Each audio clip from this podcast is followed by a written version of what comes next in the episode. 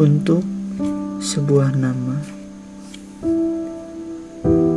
nama yang selalu terngiang di kala aku sendiri,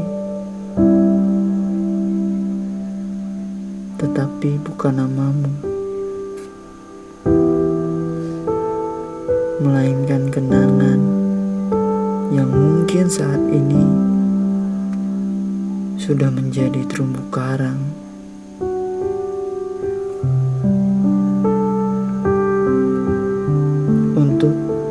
Sebuah nama,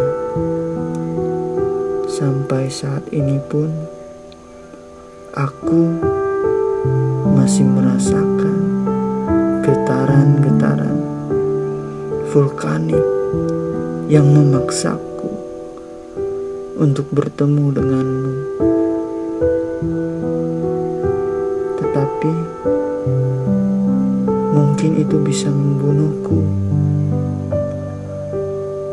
saat mencoba melihat bola matamu yang menyimpan kebahagiaan dan kesakitan.